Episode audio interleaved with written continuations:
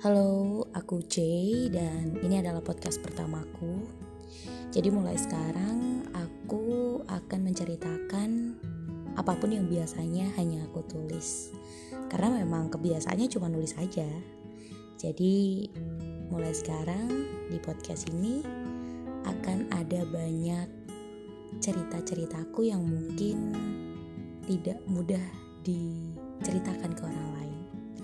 Dan untuk podcast pertamaku berjudul Deep Talk di mana cerita ini sebenarnya adalah cerita konyol yang tiba-tiba aja naik ke permukaan kehidupanku. Dan cukup mengganggu sebenarnya karena sebelum-sebelumnya aku pikir aku baik-baik aja tapi setelah kejadian itu semuanya jadi kacau. Tapi sebelum ke intinya aku mau menarik kalian untuk masuk ke dalam masa laluku di mana aku bertemu sama laki-laki kecil. Karena pada saat itu aku pun juga masih kecil dan dia menyukai aku. Dan dia jadi orang pertama yang menyukaiku. Jadi pertama kali aku merasa disukai sama seseorang itu adalah dari dia jadi kalau ditanya apakah dia berpengaruh untuk aku, iya, ternyata dia memiliki impact yang besar di dalam kehidupanku.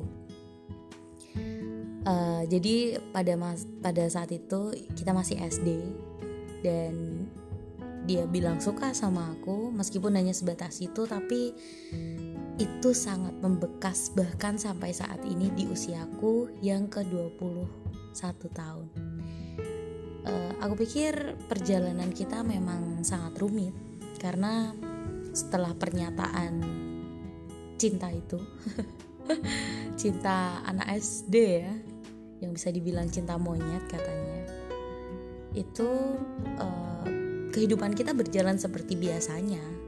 Tidak ada yang berubah tidak ada yang jadi tambah spesial. Ya semua berjalan begitu aja.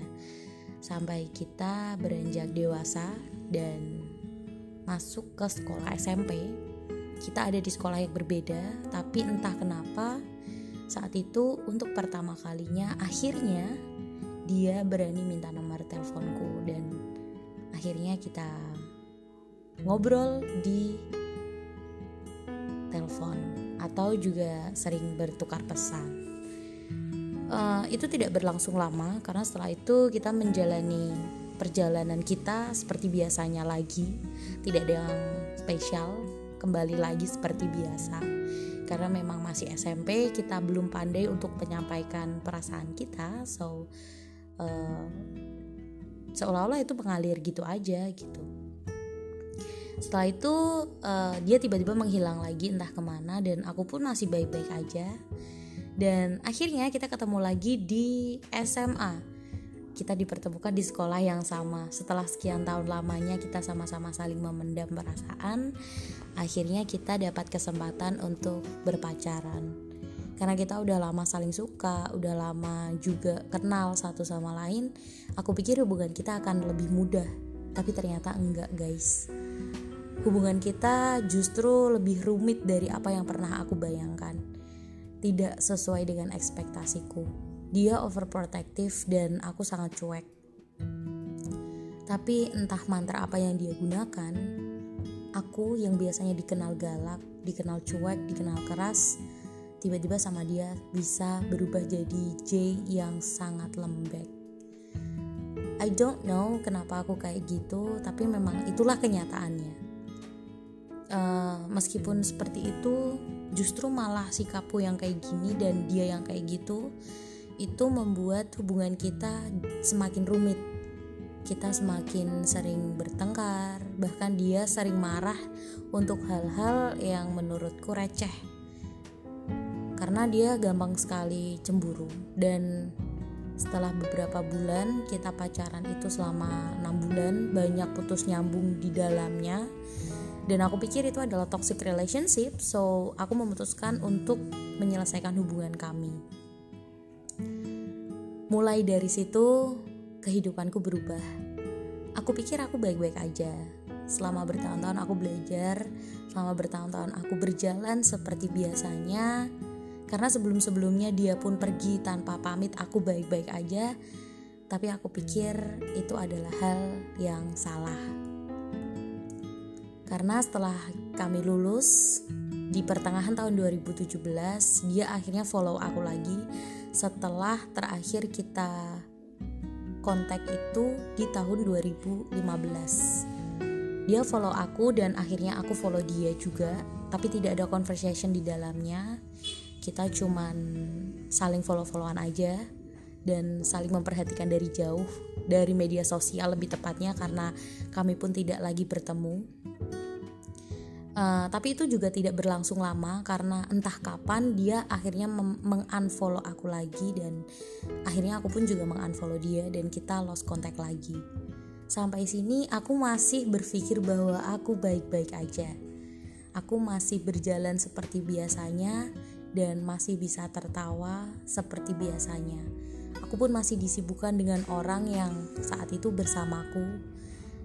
Dan ya, semua baik-baik aja, aku pikir. Tapi hingga awal tahun 2020 entah apa yang merasukiku aku follow dia karena pada saat itu kita aku dan keluargaku mendengar kabar bahwa keluarga dia ada yang sakit dan berita yang kita dapatkan simpang siur so aku mencari uh, kebenarannya dengan cara follow dia gitu dan dari situ uh, conversation kita dimulai setelah terakhir ada conversation di tahun 2015 dan itu pun juga berakhir tidak baik. Dari situ uh, aku melihat dia ternyata udah punya pacar. Aku baik-baik aja karena memang aku sudah tidak memiliki perasaan apa pun. Dan kami aku pikir aku dan dia kita baik-baik aja. Aku hanya sebatas menanyakan kabar keluarganya dan itu selesai sampai situ saja. Tidak ada conversation lagi tidak ada pertanyaan lagi. Dan uh, kehidupan hubungan kami cuman sebatas follow-followan lagi. Udah itu aja. Sampai suatu hari di minggu pagi tiba-tiba semua itu hancur. Karena uh, biasanya kalau aku bikin story selalu ada nama dia di sana. Meskipun aku tidak ingin mengakui ini tapi aku memang selalu senang ketika dia melihat storyku. Begitu juga dengan aku yang selalu melihat storynya dia. Jadi aku merasa entah kenapa aku merasa lega aja kalau dia lihat storyku.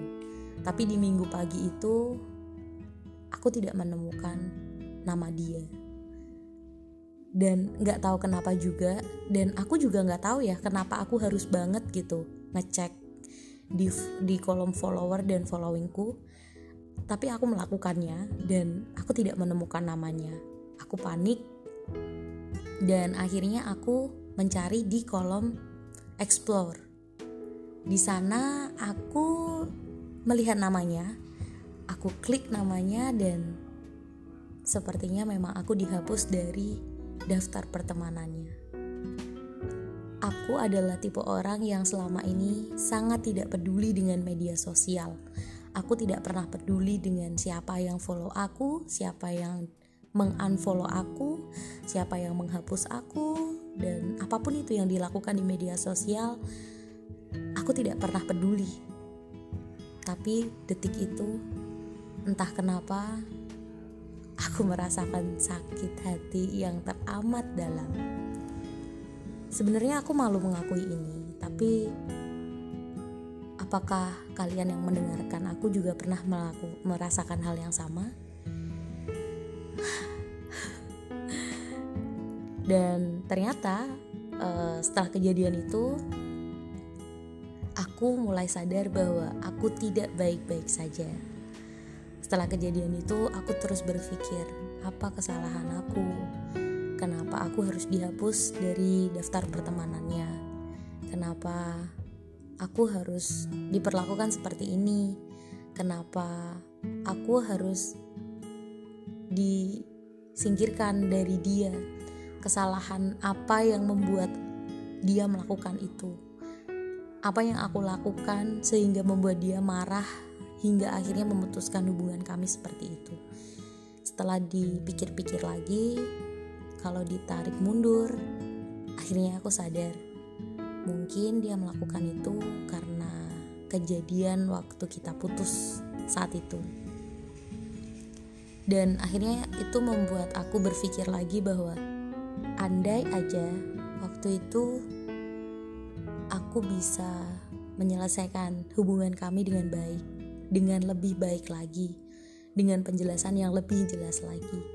Andai aja pada saat itu aku tidak terlalu keras kepala untuk menyelesaikan hubungan kami ketika dia masih ingin menjalankannya.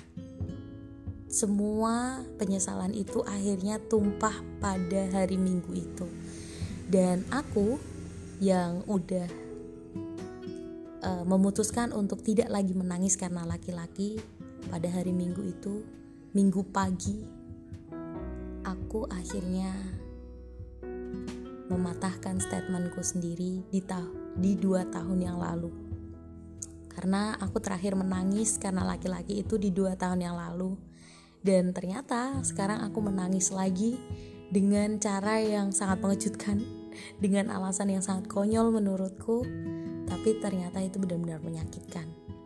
So, aku nggak tahu bagaimana perasaan dia. Aku nggak tahu semengganggu apa aku untuk dia. Tapi kalau dia mendengar ini uh, yang ingin aku sampaikan aku ingin minta maaf aja. Aku tahu semua nggak akan jadi lebih baik tapi aku tidak akan lagi mengganggunya. Dan yang menjadi pertanyaannya adalah apakah benar kisah kita udah berakhir sampai sini.